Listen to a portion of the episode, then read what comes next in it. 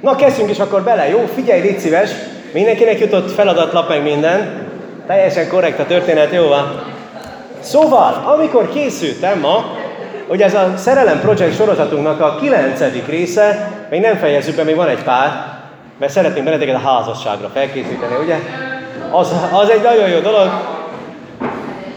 Mert azt mondja a Biblia, figyeljé, figyeljé, azt mondja a Biblia, hogy jobb a házasságban élni, mint a pokolban égni. Ez egy szójáték volt, igen. A Biblia beszél erről, és ez nagyon fontos, mert Isten komolyan gondolta. Ugyanis a család, mint olyan, azt, amit Isten kitalált, egy férfi meg egy nő kapcsolata, az képes jól tükrözni Isten szeretetét a világban. És nem véletlenül találta Isten a, azt, hogy a férfi és a nő együtt képviseli Isten képmását. A teremtéskor azt olvasjuk, hogy férfinak és nőnek teremtette Isten az embert, és utána azt mondta, hogy a sokasodjatok és szaporodjatok túl, azt is mondta Isten, hogy ti képviseljetek együtt Isten képmását. Isten képe és hasonlósága a férfi és a nő együttese a világ felé. Egy hatalmas bizonyságtétel, egy jó házasság. Egy hatalmas bizonyságtétel, egy keresztény párkapcsolat. Óriási bizonyságtétel a szeretetet kolduló világ felé. Azt mondja a Biblia, hogy az Isten a, a világon, az emberek, az egész teremtett világ sóvárogva várja az Isten gyermekeinek a megjelenését. Például ebben, hogy hogyan éled meg egy, egy párkapcsolatot. És Isten azt szeretné megtanítani, hogy hogyan csináld jól. És ez nem úgy vett, hogy jaj, akkor most Isten ítélkezik meg mindent. Nem, Isten arról, arról szól, hogy ő az, aki kitalált téged, kitalálta a férfit és a nőt, és szeretne Isten megáldani, hogy jól csináld.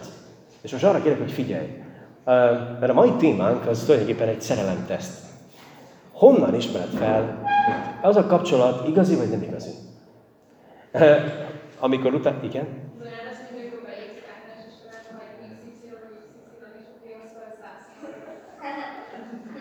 Ezt akartam amúgy mondani, úgy látom, valaki már előttem is készült. Jó van, Fabi, dicséretes. Mert hogy amikor néztem, van ilyen mobil alkalmazás, hogy ráteszed a kis ujjadat, és akkor meg a másik is, hogy rátesz a kis ujjad, és akkor ki. Láttam ilyen, az előbb a face láttam, hogy ilyen egyezés, szerelemteszt 7%. Ti utáljátok egymást.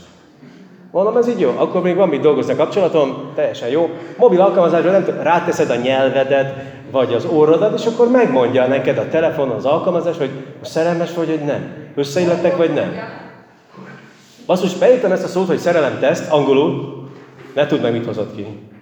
Ne tudd meg, hányféle ilyen szerelemtesztet hozott ki, hogy kiderüljön az, hogy szerelmes vagy, hogy nem vagy szerelmes, érted? Mi? Tehát elkezdtem görgetni, és nem tudom, kapásból szerintem ilyen 100-150 tesztet hozott ki, hogy kiderüljön, hogy szerelmes vagy, vagy nem vagy szerelmes. Mit? Úgy döntöttem, hogy inkább feladom. Mert hogy a mai témánk is ez erről szól. Szóval, honnan tudod, hogy szerelmes vagy? Idézek egy gondolatot, egy lány azt mondta, hogy tudom, hogy megtaláltam az igazit, mert nem tudok enni, nem tudok aludni, és mindenből bukásra állok. Ez egy egész jó arány. Gondold el, hogyha nem tudsz enni, nem tudsz inni, aludni, és mindenből bukásra állsz, akkor szerelmes vagy. Ez egy jó téma, nem? Alapvetően képben vagyunk. Tehát ha nem tudsz enni, meg nem tudsz aludni, meg ezért, akkor szerelmes vagy. Ez gáz, nem?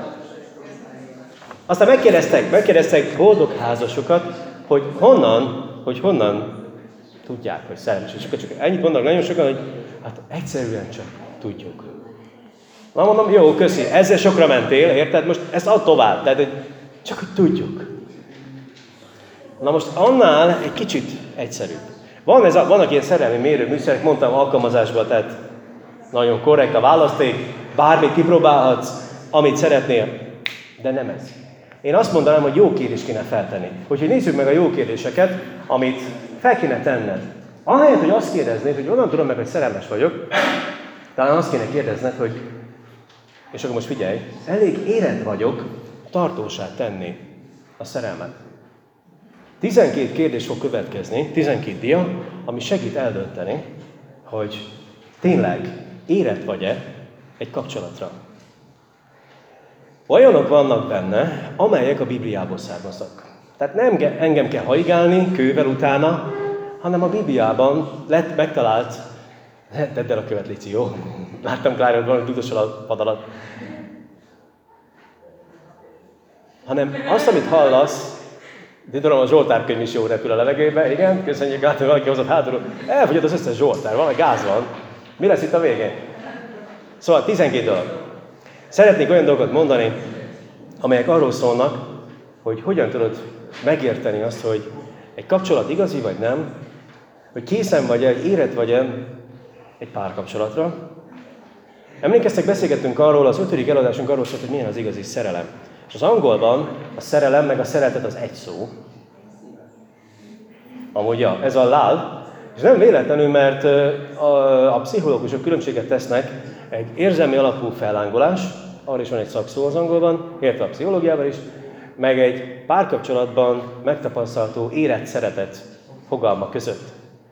És a szeretet a Bibliában sokat szerepel, mert a Bibliában Pálapostól sokat ír a szeretetről, mégpedig arról a fajta szeretetről, amely, amelyre az ember teremtő van. Ha nem ez szerint csináljuk a dolgokat, akkor kudarcra vagyunk ítélve. Elég jól. Na hát ezeket a irányvonalakat kezdenénk el, és az első ilyen gondolathoz kapcsolódóan, az első nagyon fontos dolog egy párkapcsolatnál eléggé, hogy is mondjam, nem szokványos. Mert nem ezzel kezdene egy szerelemteszt. A legelső gondolat, és amit most elmondok, ezek, ezeket azok az emberek erősítik meg, akik párkapcsolatterapeuták, házasságterapeuták, és fiatalokkal is foglalkoznak, és nagyon sok párkapcsolatban segítenek. Az a könyv, amit mi is használunk, a Barry Sinclair könyve, ők gyakorló pszichológusok, és ők szűrték le ezt a 12 olyan alapelvet, ami nagyon-nagyon sokat segít, hogy a kapcsolatok tartós legyen. Az első gondolat így hogy mind a ketten személyesen ismerik a Jézust. Pálapostól a korintusiakhoz itt második levélben megfogalmazza ezt a gondolatot, idézem, ne legyetek hitetlenekkel fele más igába. Tudod, mi az iga? Az iga az, a, az az eszköz, amivel két állatot régebben, általában, sziasztok, fiatalok, két, gyertek be, persze mindenki, mindenki most Ancséga fiú, hogy megvárjuk, hogy bejönnek. Ali. Szóval az igam az egy olyan eszköz, amivel két állatot mindig összefogtak. A, annak idején, amikor voltak ilyen ökrös szekerek, akkor az állatok nyakába tették ezt a fa jármot, vagy más szóval ez a járom vagy igam, amivel összefogták őket. És azt jelentett, hogy az, ez a két állat egy irányba húzott. Na most a felemás igaz azt jelenti, hogy két nem egyenlő erőviszonyban lévő állatot fogtak össze. És nagyon sokszor úgy csinálták, amikor nem volt más, akkor azt csinálták, hogy fogtak egy ökröt, meg egy szamarat, és azért hamar kiderült, hogy melyik az erősebb. És arra mentek, amire az ökör vezetett. A, a, ez, a, ez a sajátos szemlélet, vagy ez a példa, amit itt is olvasunk, a felemás iga, ez arra utal, hogy két olyan ember, aki nem egy irányba tart a hitében, akkor a szétfelé fog húzni. És folyamatosan ez egy olyan erő, ami szétfelé feszíti a kapcsolatot. Ez olyan, mint hogyha mondjuk van egy motorcsónak, és azon van robotpilóta. A robotpilótát be tudod állítani, hogy erre menjen. És az elindul mondjuk jobbra. De te látod, hogy gáz van, és ott arra vagy, akkor neki megy a hídoszlopnak. Mit csinálhatsz? Fogod, és akkor elkezded teljes erőből a kormányt a másik irányba izomból tekerni. Úgyhogy közben a robotpilóta jobbra vezeti. Megteheted, mert vagy olyan erős, hogy egy darabig képes vagy tartani a kormányt, de egy idő után el fogsz fáradni, mert óriási ellenerővel küzdesz. És ez egy idő után el fog fárasztani, és félre fog vinni tovább. Küzdhetsz. De egy idő után a robotpilóta visszaállítja a kormányt, és te mész jobbra. Neki a hídnak. Vagy mit csinálsz? Kikapcsolod a robotpilótát, és a másik irányba irányítod a, a hajót. A felemás igában benne van az a veszély mindig, hogy az erősebb személyiség elhúz. A felemás azt jelenti, hogy az egyik embernek van kapcsolata Jézussal, a másiknak nincs. És ez azt is jelenti, hogy az egyik erő fölfelé húz, majd mindjárt látunk egy háromszöget a következő diákon, ami erre mutat rá, az Istennel való kapcsolat, meg a másikkal való kapcsolat. De hogyha a másik ember nem ö, kapcsolódik személyesen Jézushoz, akkor az az erő lefelé fog húzni. Nagyon egyszerű a példa, ki lehet próbálni, kérnék szépen két bátor jelentkezőt. Akik jön, Dani egyik, Még, még egy bátor jelentkezőt kérnék szépen. Na, csak mindjárt elmondom, hát csak jöjjön ide ki. Dani, Lóci, gyertek. Jó? Nézzük meg akkor az ellentétes erők hatását. Aha, na, jó, rendben van. Itt fogunk most prezentálni. Azt mondja, hogy... Dani, föl, légy szíves. Oké. Okay. Lóci, ha itt először akkor rögtön látjuk a helyzetet. Kimagasodik a tömegből, Dani, igen, három feje együtt, minden. A kapcsolódási pontoknál, az előviszonyoknál, ez egy érdekes dolog. Melyik könnyebb szerintetek? Nócinak lehúzni Danit, vagy uh, Daninak felhúzni Nócit a székre? Aha, próbáljuk meg. Próbál elhúzni nekem Danit a székről, jó? Hát de nyugodtan, ha borul, borul, hát ez a történettel. Nagyon jó, tapsoljuk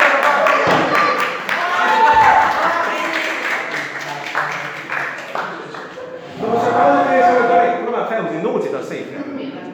Jó, fel kéne emelni Nócit, de Nócit nem kéne hajtani magad, jó? Ne, megpróbál felhúzni a székre, de ne hagyd magad, jó? Na nézzük meg, Nikos, hajrá! Nem, kezére fogad. Egy kézzel emelt fel Nócit a székre. Nóci nem fogja hagyni ezt a dolgot ilyen könnyen. Na mehet. Nézzük, mi lesz ebből. Érdekes, mint ezt már láttuk volna, nem? Na, van még egy próbálkozás?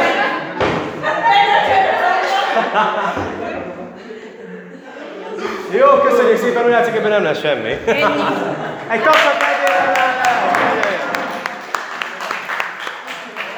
Mit akartam ezzel szemléltetni? Mit?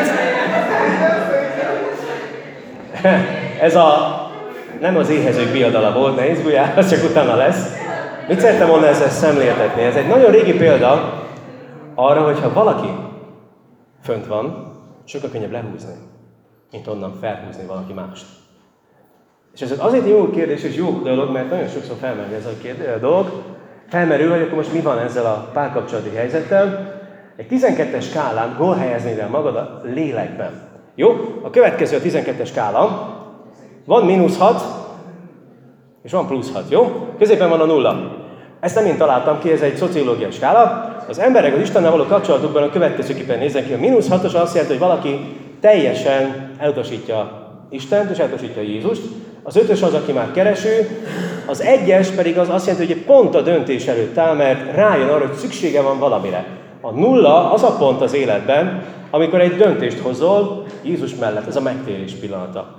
Az egyes, az amikor elkötelezed magad Jézus mellett, elkötelezed magad az ifi mellett. A kettes arról szól, hogy elkötelezed magad arra, hogy növekszel a hitedben, Bibliát olvasol, imádkozol, közösségbe jársz. A hármas az arról szól, a plusz hármas, hogy kezded fölismerni az ajándékaidat, és elkezded Isten szolgálni. A négyes arról szól, hogy kezdesz beszélni a hitedről, az ötös ugyanezek is az, hogy ezt rendszeresen csinálod, meg a hatos erről. A mínusz hatos honnan indul el? Mindenki valahonnan elindul az Isten való kapcsolatában. Te is valahol tartasz. Mínusz hat és plusz hat között hol tartasz? Így magadnak fogalmaz meg. A nulla az a pont, amikor azt mondtad Istennek, hogy igen, elfogadom az áldozatot, Jézus áldozatát. És úgy döntök, hogy az életemet elkötelezem melletted. Ez a nulla pont, amikor újjászületsz. És akkor indul az életed fölfelé. Ha elmondtad egy imádságot, vagy egy alkalommal felírtál egy cédulára, vagy egy, szalagra valamit, és fölkötötted a keresztre, ezek döntések voltak, és lehet, hogy ez volt az a pillanat, amikor elkötelezed magad Jézus mellett. Vagy lehet, hogy nem is emlékszel erre, de úgy érzed, hogy ez megtörtént. Ez a nulla. Onnantól fölfelé tartasz. És ha mondjuk van valaki, aki, aki számodra most kedves, mondjuk esetleg párkapcsolatban vagy, vagy van valaki, akivel ismerkedsz, ő hol tart? Mert ha a nullát még nem lépte át, akkor nem tartozik Isten családjában. És akkor fennáll a fenti igen, a felemás igen. Nagyon sok házaspárral találkozni a mai világban, ahol az egyik házastárs nem ismerte meg Krisztust, és ritkán lehetett látni azt, hogy ez jóra vezet. Nagyon egyszerű a történet, itt a gyülekezetből kapásból tudnék olyan három olyan kapcsolatot mondani, de kettőt most biztosan, akiket ti is ismertek, akik, akik a bejönnek, elmondanak, és lehet, hogy egyszer behívom őket, és elmondják azt, hogy ifisek voltak, hallották ezt, én személyesen beszélgettem velük erről, egy pár kapcsolat elején. Azt javasoltam, hogy ne menj bele. Hogyha már belementél, akkor ne menj tovább azon, és ne házasodj össze vele. Összeházasodtak. Mind a ketten elváltak. Az egyik ö, házaspár nagyon csúnyán, ott a családon belül erőszak nagyon durva megjelent, a nem hívő fél részéről, és a tragédia még mindig tart. Tehát a rezonanciái sajnos még mindig tartanak, és tönkrement. Nem csak a, a, az a lány, hanem a családja is. A, nagy, a szülei beleroppantak ebbe. A gyerekeim megről meg nem beszélünk, mert, mert sajnos pszichológushoz kell rendszeresen hordani a, az apa erőszakossága miatt. Hitben indult el. A másik egyszerűbb történet talán, hogy csak elváltak, de azóta van egy gyerek, aki, akinek nincsen ilyen szinten apja, mert az apa nem tudja kapcsolatot. Azért fontos ez a dolog, mert hogyha a szeretetről beszélünk, a feltétel nélküli szeretetről, akkor amíg a szeretetet az az ember, aki elfogadja Jézust, azt megkapja Istentől. És a szeretet a Szentlélek által árad a szívünkbe, mert van egy élő kapcsolatunk a Szentlélekkel. Ő által tudjuk elfogadni Jézust a megváltónak. Ő az, aki által újjászületünk, és beköltözik a testünkbe. És így megkapod azt a fajta isteni szeretetet ajándékba, ez az egyik ajándéka Istennek, ami által folyamatosan átváltozik az életed, és egyre jobban tud szeretni. A másikban nincs meg ez. Mert ő nem kapta meg az Isten lelkét. És ezért lehet, hogy tőled fogja ezt folyamatosan kérni és fordulni.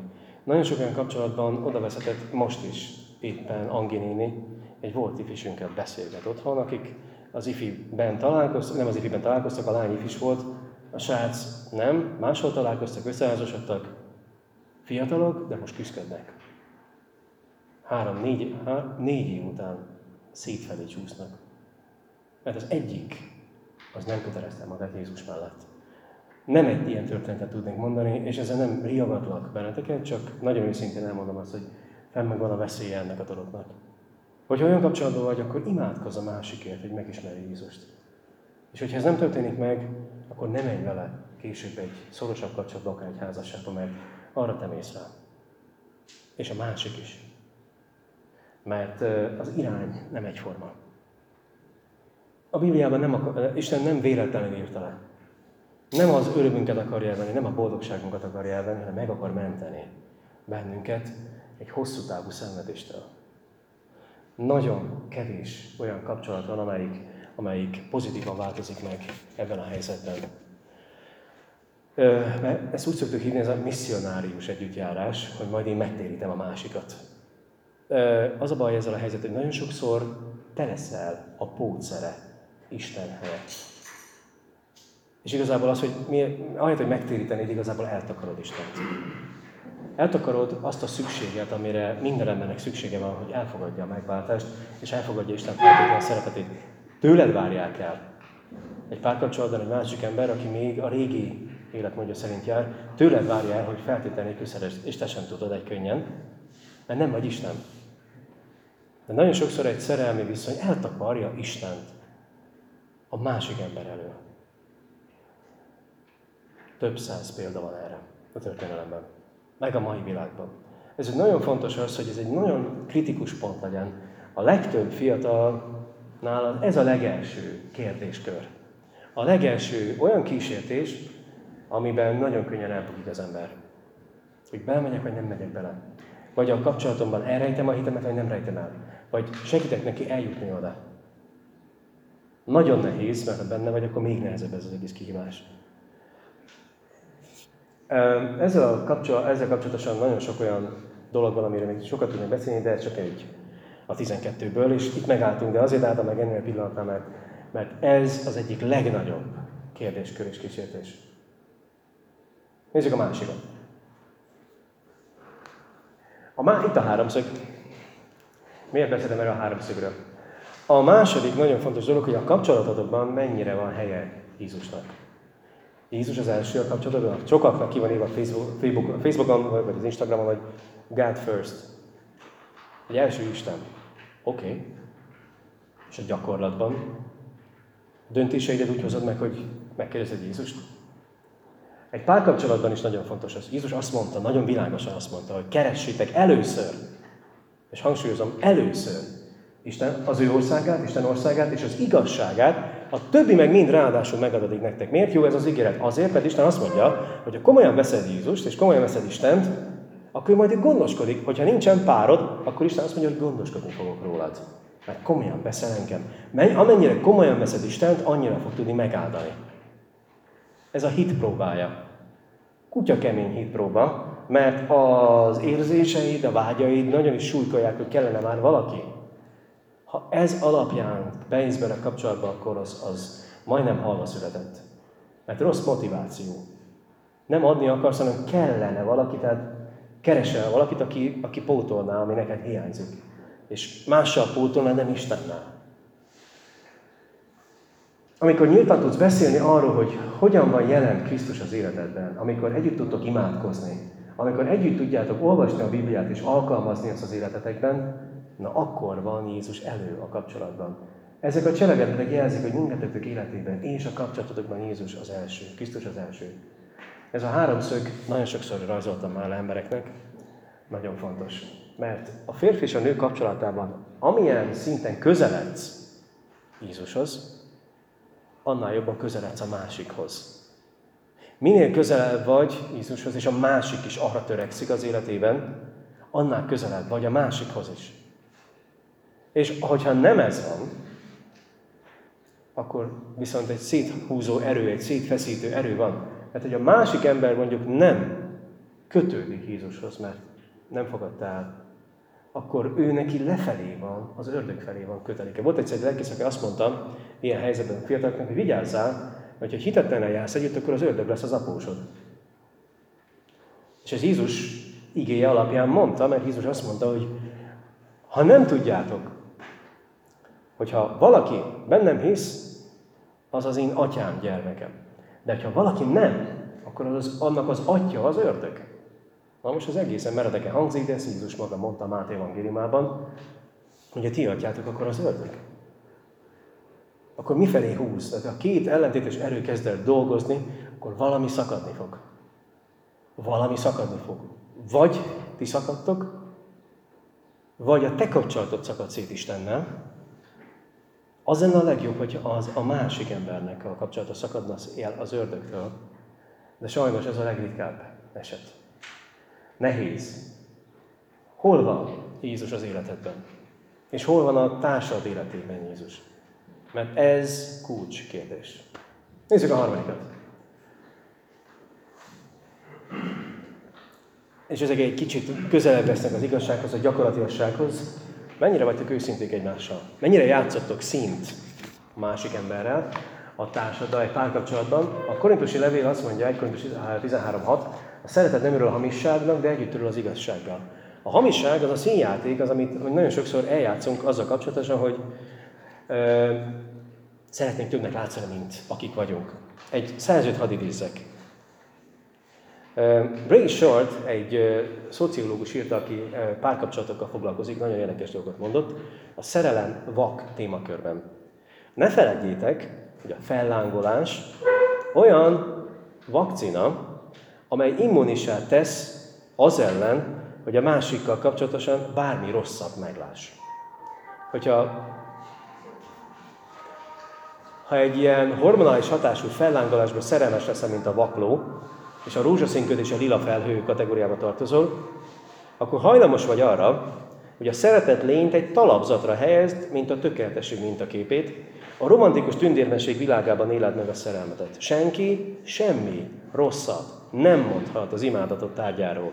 A legjobb esetben ezt mondjuk nem hiszed el, ha valamit mondanak róla, a legrosszabb esetben dühösen a vádló ellen támadsz, vagy elfordulsz tőle. Sokszor lehet látni, hogyha valaki megpróbál egy barátnő vagy egy barát finoman felhívni, figyelj, vigyázz az a srác, hát ilyesmiket hallottunk róla, meg tapasztaltunk, meg beszéltem azzal a lánya, hogy de ha te éppen mondjuk bele vagy zúgva abba a srácba, akkor, akkor ezt nem fogadod el. Nem hiszed el. Mert hogy neked senki nem mondja el, senki rosszat arra a másik emberről. Csak azért, Mert a szerelem hormonális hatása megvakít. És nem gondolkodsz józanul. Ez a veszély megvan. Ezért nagyon fontos, hogy maradj egy közösségben, hogy maradj számon kérhető, mert mások több szem többet lát, és segít abban, hogy bölcsebb döntést hozzá. Hogyha egy fantom ideát rajzolsz magadnak ebben a helyzetben, akkor, akkor ki vagy téve annak a veszélynek, hogy tökre vakul fogsz látni dolgokat, amelyeket nem kéne. Nagyon lenne, az lenne igazából nagyon lényeges és nagyon fontos, hogy fel tudod-e ismerni őszintén a saját gyengeségeidet, és fel tudod-e ismerni a másik embernek, mondjuk a társadnak a gyengeségeit. Ismered? És elfogadod úgy is? Hát ott kezdődik az őszinteség. Hogy a vakul szerelmes vagy, akkor ideálokat kergetsz, és az bálványimádás. Nem erre teremtett Isten. És ezért nagyon fontos az, hogy maradj józan. A negyedik, nagyon jó gondolat, és ehhez kapcsolódó gondolat, a teljes elfogadás. A korintusi levél beszél erről, hogy nem mesékedik a szeretet bántóan, és nem keresi a maga hasznát. Nagyon sokszor, amikor a maga hasznukat keresek, akkor az a kapcsolat lép be, amit az előbb is meséltem, hogy, hogy a saját szükségleteimet akarom betölteni egy másik emberrel. Ahelyett, hogy Isten engedném, hogy betöltse a szükségleteimet. Tény, hogy az ellentétek vonzák egymást, nagyon sokszor használják, és nagyon jó Facebook írások vannak, amikor én megismerkedtem Angival, totál ellentétesek vagyunk, nagyon, és az ellentétek vonzák egymást. Na most egy idő után, egy darabig, utána taszítják. Amikor összeházasodtunk, akkor azok a szokások, amelyek nem vonzóak voltak neki, idegesítőek voltak. És kiakadt rám. Na jó, én is rá, persze, tehát ez is így volt. Ugyanis nagyon egyszerű a dolog, ami mondjuk egy másik emberben, ami ellentétes, és neked szimpatikus, és tetszik, és olyan kicsit egyedi és más, egy idő után a bogarasságává válik, és az agyadra megy. Na és akkor mi van? Akkor el tudod fogadni a bogarasságával együtt? Én ismerem az ő hisztiét. Ő ismeri az én idegbetegségemet. Ezzel szeretjük egymást. Megmondtuk, ez ennyi. Mert hogy ellentétek ide vagy oda, egy idő után tényleg a, a dolognak arról kell szólnia, hogy ahogyan Isten elfogad, a bogaraiddal együtt. El vannak. Ugye, hogy vannak? Neked is van? Nekem is van. Van bőven. Nekem is van. Egy kis zizi. Tudod, vannak ilyen kis zizik. Nekem is vannak ilyen zizireim. Néhányan tudják is, mert na, tapasztalták elég közelről. Köszi, Dani, ez így aljas volt. Tehát a, meg, szeretem a visszajelzéseket, így mindig megvan a, a feedback. Thank you very much.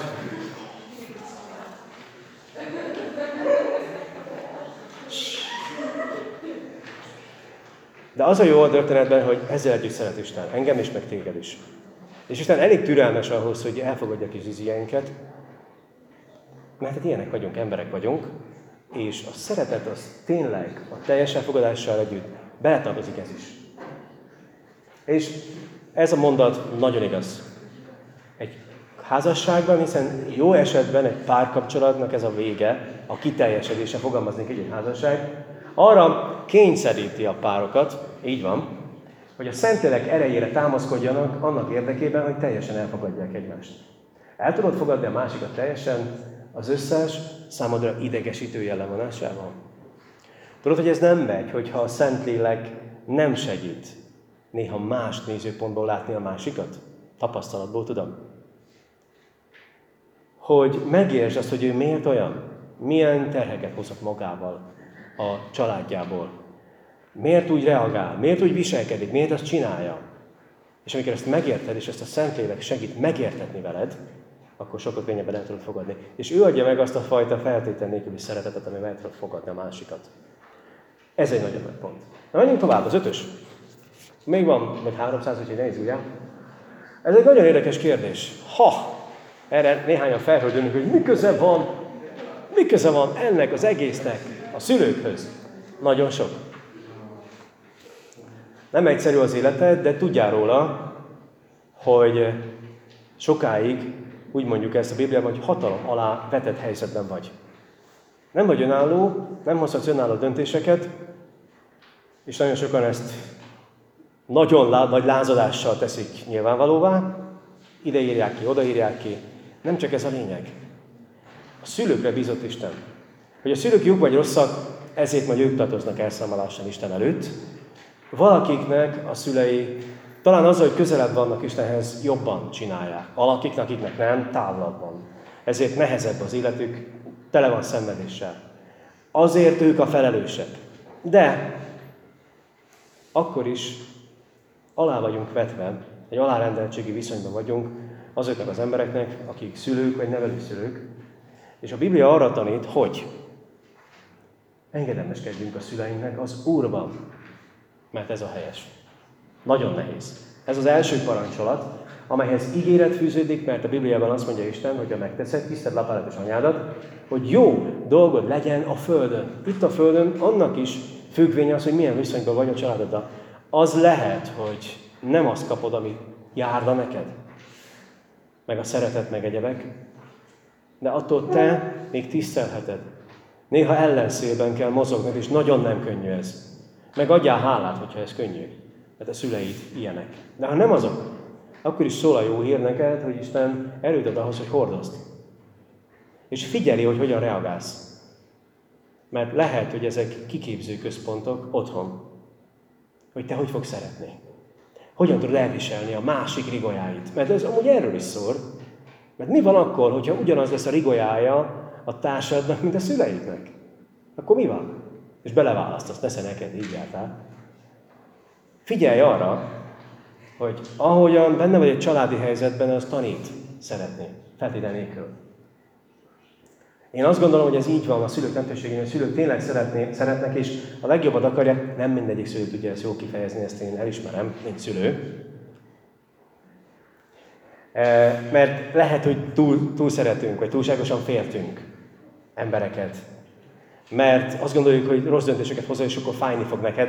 Persze, benne van. De tudod, hogy az, ami neked fáj, az nekünk is fáj szülőnként. És ez nehéz, hogyha az ember elenged, el, el akarja engedni a gyereket, gyerekét, nekem is nehéz. Benejteket is elengedni nehéz, ez természetesen fáj. Mert mi van akkor, hogyha megszívod? Hagyni megszívni, hát ez egy nagyon nehéz dolog. Tényleg nehéz dolog, és fogadjátok, egy nagyon nem egyszerű néha ezt hagyni. És mivel mi szülők, ugye hosszabb ideje vagyunk a világon, igen, két-háromszor annyi ideje, mint ti, mi átéltük azokat, amiket ti is átéltek, és talán ettől akarunk megóvni. És azért mondunk e dolgokat, vagy próbálunk visszatartani, hogy neked ne kelljen azt végig szenvedni, amit végig szenvedtünk mi. Talán azért, mert nekünk nem volt senki, aki beszéljen Jézusról. Neked már van. Csinálhatod másképpen. De ennek ellenére te lehet, hogy nem akarod másképpen csinálni, és ezt meg szülőként elfogadni nagyon nehéz. Ha nincs is igazuk a szülőknek, és te mégis engedelmeskedsz mondjuk egy párkapcsolatban, akkor lehet, hogy a szülők megváltoztatják a véleményüket. Mondom a miénket. Amikor mi megismerkedünk Angióban, nagyon fiatalok voltunk, és jó sokáig a szüleink nagyon, főleg az én szüleim nagyon ellenezték ezt az egész dolgot. A keresztanyám nem, az édesanyám keresztanyja egyenesen hadjáratot indított. Minden disznóvágáskor, minden család összejövetelen hihetetlen megdolgozás volt. Mindig külön hívott a mami, és akkor így elkezdett engem hogy neked az a dolgod, hogy tanulj. Nem kell még neked nőzni, gyermekem. És sorolhatnánk. És hihetetlen megdolgozás történt ott a Sufnéba, a Spice-ba, meg ilyen elkapott, és majd ő megmondja neked a tutit. És aztán, amikor keresztények lettünk, akkor megértettük, hogy ezt azért akarták, hogy megféltenek. Akkor nem értettük, mert azt mondjuk, senkinek semmi köze az egészhez, ne szóljon bele, hogy mit csinálok, kivel járok. Ezt ismered szerintem, ezt a gondolatiságot mi? Ugye? Nem mondod, nem vigyorog egyenlősen, mert tudom. De ez, ez mögött az húzódik meg, talán, talán féltenek. És aztán, amikor megértettük ezt, és, és például az én szüleim, Különösen édesanyám, egy elég karakán asszony, aki ismeri, tudja, hát csak abból nem megyek el, hogy egyszer hátba vágta a nyírkátán a jegyzőt, utána egy hétig a kórházba volt a tüdőgondozóba. Ez tényleg így történt. Szeretetből vágta hátba, édesanyámnak akkor a kezem hogy hátba vágta mondom a falu jegyzőt, és tényleg ott egy hétig a tüdőgondozóba volt. Szerencsétlen, mert valami történt. Ennyi. Tehát ilyen volt az én drága jó édesanyám, akit szeretek meg minden, de egy határozott ember. Tehát ebből is megmondta, hogy fiam, ilyen nincs. És ez így van. Aztán, amikor megismerte Angét és megszerette, akkor utána akkor megváltozott a vélemény, de meg, nekünk meg kellett várni. És sokat imádkozunk azért, hogy Isten munkálkodjon a fejében, és Isten munkálkodott a fejében, és most ő a kedvenc menje, na, hát erre mit csináljak? Hát ez egy ilyen történet. Van még egy, mert van még egy, van egy öcsém is. Nem is erről szól a történet. A lényeg a lényegben az, hogy megszokva, amikor az ember ebben a helyzetben belekerülve, a szülők beleegyezése benne van, akkor óriási hátszéllel mész. Óriási hátszéllel. Ellenszélbe küzdeni nagyon nehéz. Sok olyan kapcsolatot ismerek, ahol ezt nem csinálták meg, és akkor ebből iszonyú problémák lettek. Mondok néhányat. Például feszültség a kapcsolatban a szülőket illetően, tehát valószínűleg nem fogsz egy jó darabig oda menni. Valahányszor meglátogatjátok a szülőket, akkor egy nagyon fura, feszült helyzet van a beszélgetésnél, meg egyáltalán ha van beszélgetés. Vagy például, hm, hogyha problémák vannak egy kapcsolatban, be vannak, kihez mész tanácsért? Mert talán lehet, hogy egy szülő tudna tanácsot adni, mert sok mindent átélt. De nem fogsz oda menni, mert nehogy már kiderül, hogy neked nem működik. Mert az gáz, mert arról szólt, hogy mi akkor is bebizonyítjuk, hogy meg tudjuk csinálni. Csak amikor gáz van, a, mert a házasságban nagyon sokszor, és egy párkapcsolatban nagyon sokszor vannak komoly problémák, és ez normális, mert emberek vagyunk, és másfélék, nem egyformák. Ezért ezekben a kapcsolatokban nagyon sokszor ez a történet jön elő, és nincs kihez menni tanácsot kérni. És ez nehéz. Meg hogy a gyerekek majd jönnek, akkor ezt a feszültséget megérzik, és továbbadják. És nem is beszélve arról, hogy Isten sem fogja az áldását ráadni erre a dologra, mert ott van benne. Mert nem tisztelted. Több olyan kapcsolat van, ami megvárta és imádkozott, és segítséget kért Istentől, és Isten változtatta meg a szülők gondolkodását. És ma nagyon jó viszony áll fent. De ehhez az kellett, hogy az ember alázatosan képes, kész legyen várni, és türelmetnek lenni. Na, menjünk tovább. Következő egy nagyon jó kérdés lesz. Nagyon fontos a párkapcsolati dologokban, és Isten előtt fontos dolog, hogy képes vagy-e uralkodni a saját nem életeden. A Tesszalonika 4.3 arról beszél, hogy Isten azt akarja, hogy szentek legyetek, és távolodjatok el minden szexuális bűntől. Na, hát ez egy olyan kérdés, ami ma nem divat. Mert hogy azt mondjuk, hogy az együttjárása teljesen természetesen eljár. Nem. Azért nem, mert hogyha most nem tudsz uralkodni, később sem fogsz. És kimutatták a szociológusok és a pszichológusok, hogy azok, akik belementek a házasság előtt is ebbe a kapcsolatba, az a házasságban sem maradtak hűségesek. Mert a párkapcsolatnál azt is jelent a dolog, hogy a mindaz, amit a Biblia úgymond a régi szóval varázdanságnak nevez, az a következőt jelenti kicsit lefordítva. Minden olyan kapcsolat, szexuális kapcsolat, ami a házasságon kívül van. Ebbe beletartozik az is, ami a házasság előtt van, meg az, ami a házasságon kívül történik, tehát a megcsalás esete. Mert hogy ez nagyon, a kettő nagyon könnyen összefügg, mert aki előtte nem tud várni, akkor az közben sem fog. És nagyon sok kapcsolat ezért megy tönkre. Mert előtte. És tudom, mert beszélgetek sok emberrel és sok fiatallal, hogy akik nem bírtak, és nem figyeltek oda erre, most küzdködnek a házasságban. Mert ez a kapcsolatban az idő, amit ezzel töltesz, mondjuk a szexel töltesz, egy házasságban, egy párkapcsolatban 2%. És mi van a többi 98 -a? Arra meg nem készültél fel? Ja, bocsi, akkor benézted. Mert hogy nem egy testet szeretsz, hanem egy személyt. Aki nem csak teste van, hanem egy, egy, egy élő ember, személyiség, Isten különleges teremtmény, és hogy nem tiszteled azt, amit Isten mond, akkor annak a következménye utolér mindenestől. A testi vonalom egy természetes dolog, és vele jár a szerelemmel, de nem szabad, hogy a kapcsolat többi összetevője elé kerüljön. Egy lánynak és fiúnak az esetét meséli el a, a könyv írója, aki, aki lelki gondozta őket. A tizenéves korokban kezdtek együtt járni, és aztán nagyon sokat jelentettek egymásnak, de az egész ilyen, a szex nagyon kicsúszott a kezükből, és nagyon belebonyolódtak a történetbe, és emiatt szakítottak. Aztán újra összeálltak, ugyanúgy belekeveredtek ebbe az egész dologba, és sehogy sem tudták korábban tartani őket, és akkor fordultak az egyik ifi vezetőhöz, aki, aki lelki gondozó is volt, és segített ebbe a dologban. Öt évig küzdöttek azzal, hogy a dolgot helyre tegyék. És nagyon sok könny, és nagyon sok fájdalom, és nagyon sok szenvedés járt ez itt az egészen, amíg megtanulták az ön uralmat. A Szentlélek egyik gyümölcse a Bibliában az ön uralom. A kilencedik. Galata levél, ötödik fejezet. A lélek ajándéka az ön uralom, amikor képes vagy uralkodni önmagadon. Mert az a nagyobb hős, aki magán uralkodik, nem az, aki meghódít egy várost. Mondja a példabeszédek könyve. Ugyanis, hogyha most nem uralkodsz magadon, később sem fogsz. Nem fogsz bírni. Régen, ez azért volt nagyon fontos, mert előtte, mondjuk tipikusan a fiúknál, ez egy kicsit nehezebb kérdés, a fiúkat előtte mindig, akár a törzseknél, vagy akár más kultúrákban is, előtte mindig olyan dolgokra tanították meg, amik az önuralmat, meg a fájdalomtűrést, meg a kitartást, meg a keménységet edzette. Ma, hát, nagyon nem ez van. Ma nagyon kevesen edzenek. Sokszor. Mert mondjuk egy edzés, az kemény önuralmat jelent. Ön megtartóztatást, meg önfegyelmet. Segít abban, hogy a testedet fegyelmezni tudod, akkor a lelkedet is tudod fegyelmezni. A kettő nagyon összefügg. És ezért volt az előbb, annak idején, hogy a különböző társadalmakban mindig először a férfiakat, a fiatal fiúkat megtanították arra, hogy hogyan uralkodjon magán. Azért tanítottak meg a harcra, meg ezekre a dolgokra, mert ezek önfegyelmet tanítottak. És majd, amikor ebben bizonyítottak, akkor kaptak jogot arra, hogy keressenek maguknak párt. Ma ez egész felborult. Ma egyéni felelősség van, a te felelősséged. De Isten ugyanúgy számon kér. És nagyon fontos az, hogy férfinak bizonyulj, ne csak nagyfiúnak. Hát ez kevés, ez most a fiúknak szólt. A lányokra ez természetesen nem ilyen értelemben vonatkozik.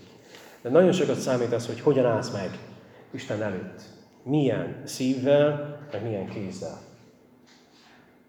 Hetes. Közös értékekről beszélünk, a Kolossai levél beszél ha tehát feltámadtatok a Krisztussal, azokat keressétek, amelyek odafönt vannak, ahol a Krisztus van, aki az Isten jobbján ül. Az odafent valókat törődjetek, ne a földiekkel. Hogyha komolyan veszed Istent, akkor azokat az értékeket kell a kapcsolatodba beépíteni, amelyeket Jézus szeretne. Mik ezek? Ott van. Hogy éred legyen a szerelmed egy kapcsolatban, éred legyen a kapcsolatod, megtartós, a következő mennyei értékekkel kell rendelkezni. Könyörületesség, kedvesség, alázat, szerítség, türelem, megbocsájtás, békesség, a szeretet, és Isten szavának a birtoklása. Ezek azok a mennyei értékek, amelyeket a Szentlélek közöl veled, és egy kapcsolatodban ez te is fejlődsz benne, meg a párod is, akkor a mennyei értékekkel foglalkozol. De ha egy kapcsolatban te erre törekszel, a másik pedig az önző vágyai kielégítésére, akkor nem lesz közös nevezőtök. És akkor azt gondolom, hogy csúszni fog a történet. Az értékeid meghatározzák, értékeid fogják meghatározni a szándékaidat. Először el kell döntened, mik, azok a, a, mik az értékeid, majd ezeket fontossági sorrendbe kell állítanod, akár itt, amit látsz ebből a kilencből. Ezután miért fel a partnered értékeit, szavait és tettei alapján. És a kérdés mindig ott a végén arra szól, vannak közös értékeitek, és ezek tükröződnek az életetekben, meg a kapcsolatotokban? Hát ezeket az értékeket szeretné látni Isten. Ezek az értékek megmaradnak a mennyben. Már a Földön elkezdenek fejlődni, mint magok, amiket elvetsz az életedben, és gyümölcsöt teremni fognak akár itt a Földön, de a mennyben mindenképpen. Ezek túlélik a halálodat. Ha egy kapcsolatban ezek az értékek fejlődnek, akkor a kapcsolatot fejlődni fog. Ha nem, akkor romlani fog. Nyolcas. Az egyik fejezetünk, azt hiszem a hetes, erről szólt, hogyan tanulj meg tisztességgel küzdeni kapcsolatban. Vannak nézeteltések, konfliktuskezelés. Ha valaki abban a naív hülyeségben hisz, hogy sosem fogsz veszekedni, akkor te nem tudod, mi az emberi kapcsolat. Akkor gyorsan dugd a fejed egy jeges vízbe, ez az Ice Bucket Challenge, hogy felébredjél, mert ilyen nincs. Mi nagyon tudunk veszekedni otthon, kemény. Angival veszekedni végképpen kemény. Eh, de meg kell tanulni sportszerűen játszani. Ez a gondolat a szerelmi érettségmérőn, a teszten egy nagyon fontos dolog. A szeretet ugyanis nem viselkedik bántóan, nem keresi a maga hasznát, nem gered haragra, nem rója fel a rosszat. A konfliktus kezelése ez az, hogy tud kezelni a konfliktusokat egy kapcsolatban, a nehézségekkel való őszinte szembenézés van. Kész vagy változtatni? Kész vagy bocsánatot kérni? Mert ez az egyetlen út, ami működik. Meg megbocsájtani? Ezáltal tanulhatok egymástól, és erősebb lesz a kapcsolatotok. Ha valakinek kész vagy megbocsájtani, és ha valakitől kész vagy bocsánatot kérni, akkor kitárod a szíved, sebezhetővé teszed magad, mert a szeretet ilyen, ezt olvastuk az előbb, de ez a kapcsolatotokat növelni fogja. Le tudjátok-e dőzni a nézetátéléseiteket? Kifejlesztetted-e magadban azokat a képességeket, azokat a konfliktus kezelő technikákat, amelyel jól tudsz még egy vitát kezelni? Tudsz jól veszekedni? Ez erről szól. Tanulj meg jól veszekedni. Veszekedni fogsz, de jól veszekedni, Isten szerint, mert ugye ez egy ilyen dolog, az, hogy nem veszek, ilyen hülyeség, ilyen nincs. Jézusnak is még voltak konfliktusai is, ő is belám, őnek is voltak ilyen össze. Nagyon sok volt, a Biblia rengeteget beszél arról, hogy Jézus így összeütközött csomó emberrel, és ő jól csinálta. Meg lehet tanulni, hogy ő hogyan csinálta. Mert a kapcsolatokban is lesznek, amikor nagyon rossz pozícióban vagy, és a nézeteltéréseket helyesen jól kezelni, azt meg kéne tanulni. Kilences. Na, ez egy jó kérdés. Ha, ez egy nagyon érdekes kérdés. A távolság. El tudod viselni egy, az, az egymástól való távollétet? El tudod-e fogadni azt, hogy a, bar, a barátodnak vagy a párodnak vannak barátai? Sok olyan kapcsolatot látok, akik így, így, így főleg a lányokra jellemző, hogy így, így, így fogják a pasit, sehova nem megy, csak velem vagy. Sehova nem megy, senkivel nem barátkozhatsz. Ha igen, akkor kikaparod a szemem. A fordítva, én kaparom a tiéd e, Ez nem szeretet. Ez csupán egy sötét féltékenység. És a Bibliában Jakab apostol beszél erről, mert ahol intség van és viszálykodás, ott zűrzavar és mindenféle gonoszság található. Az eredetiben féltékenység szó is szerepel, mert tulajdonképpen az időt irigyled attól az embertől, akivel a társad barátkozni szeretne. Ha nem vagy képes elengedni, másokkal lenni, akkor nem bízol benne. Ja, és Istenben sem. Ezt tegyük hozzá. Miért? Mondom.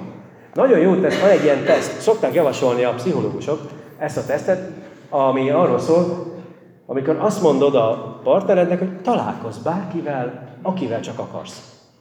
Találkozz bárkivel, fiúval vagy lányal, akivel csak akarsz. Megmondom miért.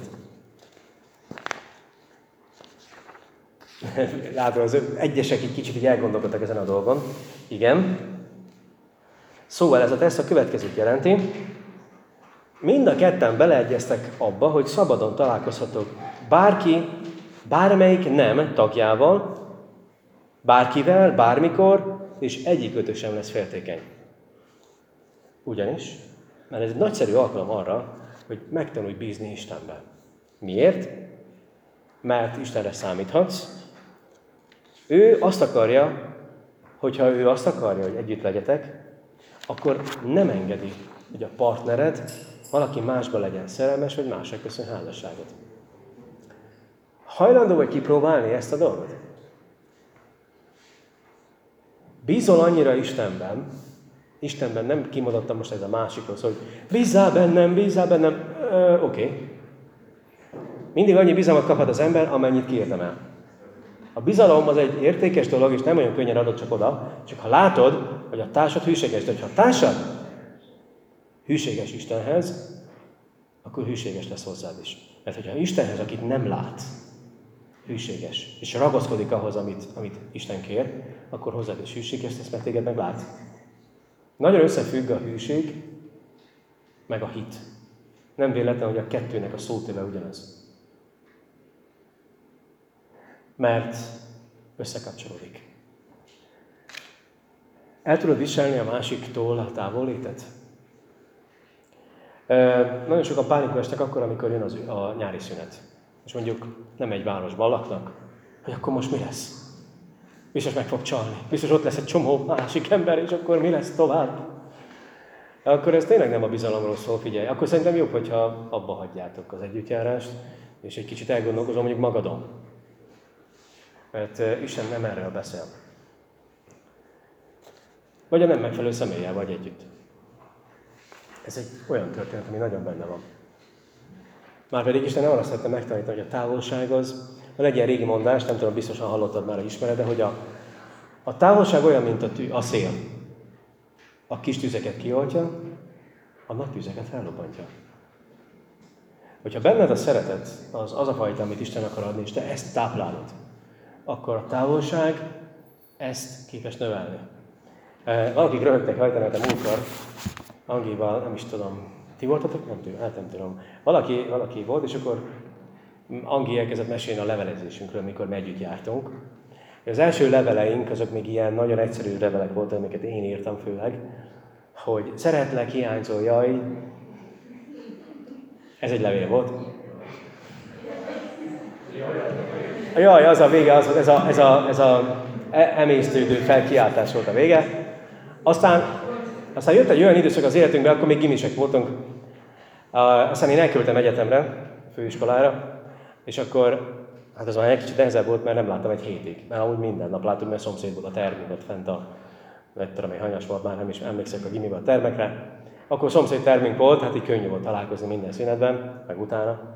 És amikor elkerültem Debrecenben, az egy sokkal nehezebb dolog volt, és akkor ott jöttek az ilyen típusú levelek, aztán, aztán a debreceni idők alatt jutottam én is hitre, és ő is. Éppen tegnap volt a szülinapja, kétszeresen is, mert azon a napon van a szülinapja, és meg azon a napon van az újjászületési napja is, mert azon a napon tért meg annak idején ezelőtt 20 évben. A pont a szülinapján, ugye ez neki dupla szülinap, ilyen szinten. És amikor mind a ketten elindultunk együtt most már Jézussal, és kérdeztük Isten akaratát, és akkor Debrecenből leveleztünk, és akkor mindig azon röhögött, hogy az a levél, ami általában 10 perc volt, és én megírtam, azt neki két órába került elolvasni, mert akkor is ilyen orvosírással írtam, és általában három oldalokat, mert akkor már nagyon sokat beszélgettünk sok mindenről. És nagyon megváltozott a kapcsolatunk, és mind az összes levelünk megvan, ha nem hiszed, egyszer majd elhozom, mert most akarom beköttetni. A, vagy a 25. házasság évfordunkra, de ilyen, ilyen doboznyi levelünk van, szerelmes levelünk, meg minden. És ezt nagyon szeretném majd beköttetni, hogy megőrizik az utókornak. Példaértékkel látszik az, hogy hogyan változtatta meg Isten a mi kapcsolatunkat, a hiányzó jajtól egészen addig, hogy három, meg négy, meg öt oldalas A4-es oldalas leveleket írtam neki. És volt egy nagyon nehéz időszak, amikor három hónapig nem láttam. Mert kint éltem Csehországban három hónapig, és nem láttam, nem jöhettem haza. És az volt a legnehezebb időszak, de a legkülönlegesebb is, mert azt éreztük, akkor éreztük azt, hogy mi együtt szeretnénk tovább csinálni. És ezután kértem meg a kezét. És ez egy nagyon fontos dolog volt, mert ezek a, ezek a távolságok segítettek abban, hogy megértsük, hogy mi tényleg sokat jelentünk egymásnak. Hogy Isten hogyan hozott ki egy, egy nagyon gáz dologból, nagyon gáz kapcsolatból, és jutott el egy egészen más szintű párkapcsolatra. És a távolság segített ebben. Na hát már nem sok van hátra. Tízes. Egy kapcsolat, akkor jó, hogyha barátok is vagytok. A példabeszédek beszél erről, mindig szeret a barát, de testvéri a nyomorúságban válik. Három nagyon fontos összetevője van egy jó kapcsolatnak, a szeretethez kapcsolódóan. Az, hogy valakit a barátodnak nevezel, az megtiszteltetés, és a tisztelet, az tiszteli a másikat, a másik életét. Tisztelet az egyik ennek a háromszögnek, azt jelenti, hogy csodálni és értékelni tudod a másikat. Nem szerethetsz valakit, akit nem tisztelsz. Annak érdekében, hogy a testi vonzalom a háttérbe kerüljön, a tisztelet fontos részét kell képezze a kapcsolatoknak. A bizalom, a második, azt kijelenteni, hogy megbízom benned, a másik szemébe vetett hitet fejezi ki. Mindenedet a másiknak adod, és tudod, hogy a partnered ennek gondját fogja viselni. Ha két ember nagyon szoros barátságba kerül, teljesen megbíznak egymásban. És a harmadik a felelősség, amelyeket nagyon nem szeretnénk egyébként, nagyon sokszor. Mindent akarok, csak felelősséget nem. Sok ilyen fiút ismerek, aki Nőt, pénzt, munkát, mindent akar, felelősséget nem. De a felelősség együtt jár mindezzel. A felelősségvállalás azt jelenti, aki felelősséget érez, az érett ember. A szereteted kifejeződik abban, hogy felelősséget érzel a kapcsolatodért, különösen testi és lelki vonatkozásban. Ez így néz ki. Miért fontos a felelősség? Mert mondjuk, hogy a konfliktusok vannak egy kapcsolatban, és most egy egészen élő példát van a fejemben. Az egyik fél szeretné megmenteni a házasságát, boltifisekről beszélek, boltifisre az egyik. A fiú viszont nem. Mert nem érzi felelősségének ezt az egészet. Itt kezdődik a felelősségvállás egy kapcsolatban. És ez egy nagyon fontos az. Egy szakember, egy szociológus fogalmaz így, a barátság szeretet. És a szeretet barátság is. Amit a Biblia barátságról ír, az mind elmondható a szeretetről. A szeretet lojális, lojalitást jelent, vagyis hűséget, a másik elfogadása, becsületesség és bizalom. Ha szeretlek, a barátod vagyok, és szeretettel viszonyulok hozzád. Nem egyszerű? Mint ahogy nem lehet igazi barátság szeretet nélkül, igazi szeretet sem lehet barátság nélkül. Egy jó párkapcsolatban a másik, a társad, az egyik legjobb barátod lehet. Kell, hogy legyen. És az, a nagy kérdés ott a végén, hogy tényleg igazi barátságra épül a kapcsolatotok? Nem csak lángolunk, vagy csalgalauzunk, hanem barátok is vagyunk.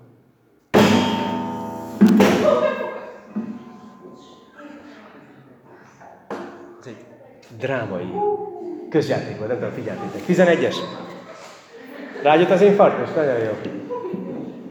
A végéhez közeledünk is, egy néhány gondolat a végéhez érett, egész ember vagy? Az Efézusi levél a következőt írja, amíg eljutunk mindnyáján a hitnek és az Isten fia megismerésének az egységére, a felnőtt korra, a Krisztus teljességét elérő nagykorúságra, hogy többé ne legyünk kiskorúak. Mit akarok ezzel mondani? Sok ember azért akar barátságot, meg barátnőt, meg pasit, meg, meg nőt, meg szeretőt, meg házastársat, mert igényli a biztonságot, meg az intim kapcsolatot, meg hogy fontosnak érezze magát magyarul, a társ az pótlék. Mert önmagában nagyon nem érzi teljesnek magát. Jóban vagy magaddal? Mert ha nem vagy jóban magaddal, akkor egy párkapcsolat sem fog segíteni ezen. Bocs. Mert ez is pótszer lesz, sok minden mással együtt.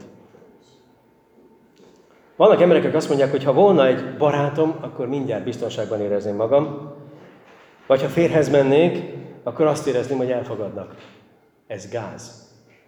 Mert nem ebből származik az elfogadottságot, hanem az Isten szeretetéből. Ha ezt nem érted, akkor éretlen vagy. Ahhoz, hogy egy kapcsolat sikeres legyen, nem olyan hallgattam egy eladását a Tarianna Mariának, aki kamaszokkal foglalkozik, ő fogalmazta meg ezt így. Ahogy egy kapcsolat sikeres legyen, mind a két félnek egész emberként kell tekintenie magát, meg annak kell lenni. Mert hogy az egyik gyenge, másik pedig erős, akkor egy nagyon érdekes dolog alakul ki, ezt úgy nevezik, hogy a lián effektus. Az erős emberre a másik csak rákúszni fog. Mert magyarul társfüggő lesz, és önmagát nem képes megtartani. A kapcsolat nem egyenrangú emberek kapcsolata, hanem alá és fölülrendelt viszont jelent, és az erősebbiknek kell még a másik súlyát is tartani. A lián élősködő. Egy kapcsolatban lehet olyan viszony, hogy a másik szeretet élősködő a társán. Ezt hívják társfüggésnek a pszichológiában. Mert önmagadban nem vagy egész. Mert nem jutottál el Krisztusban az egész teljességre. Nem látod magadat úgy értékesnek és fontosnak, szeretetnek és elfogadottnak, ahogy Isten lát téged. Hogy ez nincs benned, akkor addig nem menj bele kapcsolatba. Mert akkor társfüggő leszel, nem partner, nem társ. Mert hogy ilyenkor azt fogja várni az egyik ember, a lián kategóriája ember, azt várja a másiktól, hogy minden szükségét kielegítse, amit egyedül csak Isten tud. És ez a kapcsolatok a romlását fog jelenteni, mert a másikat le fogja húzni, és tönkre is fogja tenni. Olvastam nem olyan a neten egy, kapcsol, egy, egy lánynak a bizonyságtétel, aki leírta azt, hogy, hogy két évig volt egy párkapcsolatban egy fiúval, akit istenített, szó szerint. És a pasia volt a bálványa. Keresztényekről beszélünk, de a lány önmagát sose látta jónak, sose látta szerethetőnek, elfogadhatónak, szerencsétlennek, hogy egyebeknek bélyegezte magát, biztosan ismerik néhányan ezt a gondolatot. Egy kapcsolatban pedig mindent imádta a pasiát, a srácot, és olyannyira, hogy nem kellett Isten sem. És az Istennel való kapcsolata is leépült, mert mindent a sráctól várt. És ez úgy nevezik, hogy bálványimádás. Ja, meg hogy társfüggés. Kodependenciális személyiségzavar. Csúnyán beszél. De ez, ez veszélyes játék. Nem, fog téged egy másik ember teljesíteni. Ez hülyeség. Önmagadban vagy teljes azzal, hogy Isten lelke benned él. Nem egy másikkal. Utolsó. Hajlandó vagy elkötelezni magad egy életre. Kisz vagy egy másik embert vállalni. Ez nem érzés, hogy majd szereted a halálig a felét. A szeretet az cselekvés. Kisz vagy akkor is mellette marad, amikor síkideg lesz, amikor beteg lesz, amikor kórházba kerül, és mondjuk megműtik, és maga tehetetlen. Akkor is kész vagy vállalni, felelősséget vállalni, akkor is szeretni fogod. Kész vagy így belemenni egy kapcsolatba, hogy tudod, hogy milyen? Mert hogy egy igazi párkapcsolat erről szól. Jézus azt mondta, senkiben nincsen nagyobb szeretet annál, mint ha valaki az életét adja a barátaiért. Feláldozza az életét, és naponta áldozatról szól, amikor magadat megtagadod.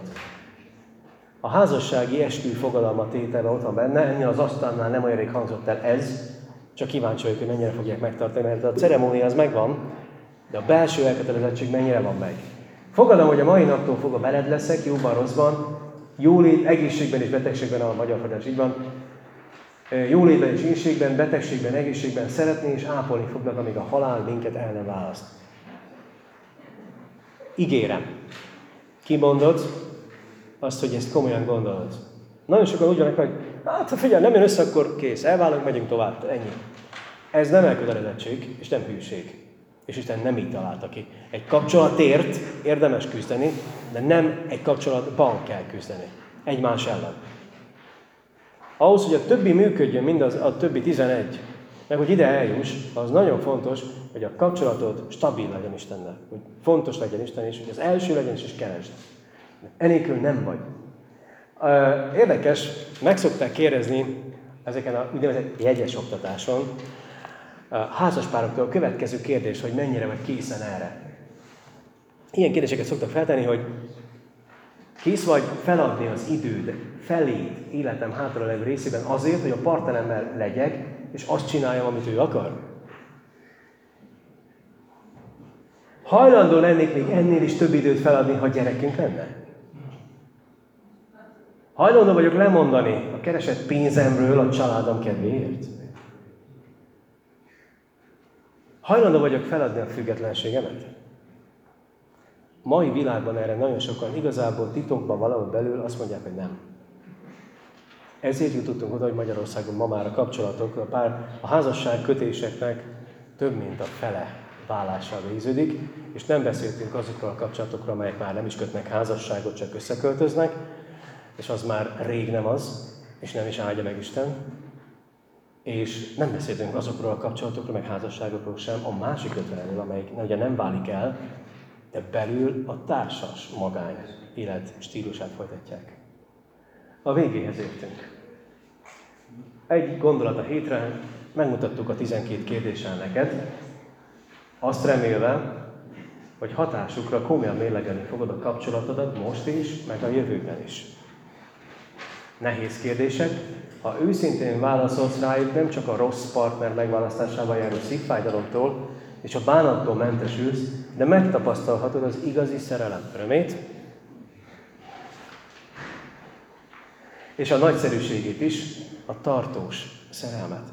És Isten találta ki ezt az egészet, és Isten szeretne megáldani ezzel. Te döntöd el, hogy mire vagy kész. Ezt a lapot vitt haza, és aki szeretné ennek a teljes változatát, amit én használtam, ennek a, a könyv változatát, azt szívesen átküldjük. Mindig lehet mindegyik fejezetnek, amit eddig tanultunk, amiről eddig beszéltünk, megvan a könyv változata az összes szemlélető példával, és meg tudod nézni és meg tudod kapni, és el tudod olvasni elkönyv formában, úgyhogy fel fogjuk majd tenni ezeket a dolgokat, most készül az összesítése a többinek is. Azért, mert azt szeretnénk, hogy az életed, meg a párkapcsolatod, vagy a leendő párkapcsolatod áldott legyen. És ne félj kérdezni, és ne úgy vedd hogy ez most kritika, vagy bármi más. Isten szeretete az, ami arra indít, bennünket is, hogy készek legyünk segíteni és áldás lenni, hogy te is áldás legyél. És ha úgy érzed, hogy javítani kell, akkor ne félj javítani. Mert Isten melletted van, és megáldja azokat a hitbeli lépéseket, amiket kész vagy megtenni. Hát, hogy Istennek fontos vagy, Istennek fontos a kapcsolatod, a leendő kapcsolatod, és imádkozunk azért, hogy olyan kapcsolatok legyenek az ifiben és az ifisekkel, amelyeket Isten megáld. Mert hitben hozol dolgokat. Ne akarj hamarabb, vagy Isten nélkül cselekedni. Mert abból mindig csak gáz van. Na ezért fogunk most imádkozni. Köszönjük neked, Istenem, hogy a férfit és a nőt, férfinak és nőnek teremtetted, és te találhat kész az egészet, már a Biblia legelején, mert úgy döntöttél, hogy egy férfi és egy nő áldott kapcsolata képes megmutatni a következő generációnak, a nemzedéknek a te feltétel nélküli szeretetedet. Pontosan ezt így találtad ki. A törődést és az útmutatást. A gondoskodás szeretetét, amit egy anya tud megmutatni, és az őrzésnek, a vigyázásnak, a tanácsadásnak a, a, a nagyszerűségét, amit az apákra bíztál. Uram, ad, hogy a mai világban, amikor minden hitetlen, amikor minden ez ellen, az egész ellen szól, és óriási támadás ér mindenhonnan, ezeket az értékeket erősíts meg bennünk, ezeket a dolgokat, és merjünk hinni abban, hogy Te sokkal jobban terveztél, mint amit mondjuk a Viva tv közvetítenek felénk sokszor, azokat az értékeket, vagy bárminek is nevezzük, a te értékeid sokkal mélyebbek, és igazán emberközeliek, mert te találtad ki, hiszen te alkottál bennünket egyedinek, te alkottál bennünket kapcsolatra, te ismered, és te képes vagy az életünket megáldani, ami hitben merünk lépni. Imádkozunk most, Uram, minden kapcsolatért, és minden leendő kapcsolatért az igében, mindannyiunkért, hogy mindenki számára készítsd el azt a társat, amit szeretnél. Úgy, ahogy a Bibliában olvastuk Isáknak és Rebekának a történetét, hogy egyszerűen csak rábízták a döntést, és te oda vezetted a két embert egymáshoz. Csak úgy lazán. Nem volt benne semmi görcs. Bocsáss meg, ha mi túl sokszor görcsölünk, mert a vágyaink elvisznek. Imádkozunk azért, hogy áld meg a kapcsolatokat, amelyek vannak, és formáld te szerinted valóvá. Tisztíts ki belőlük minden olyan dolgot, ami nem helyén való.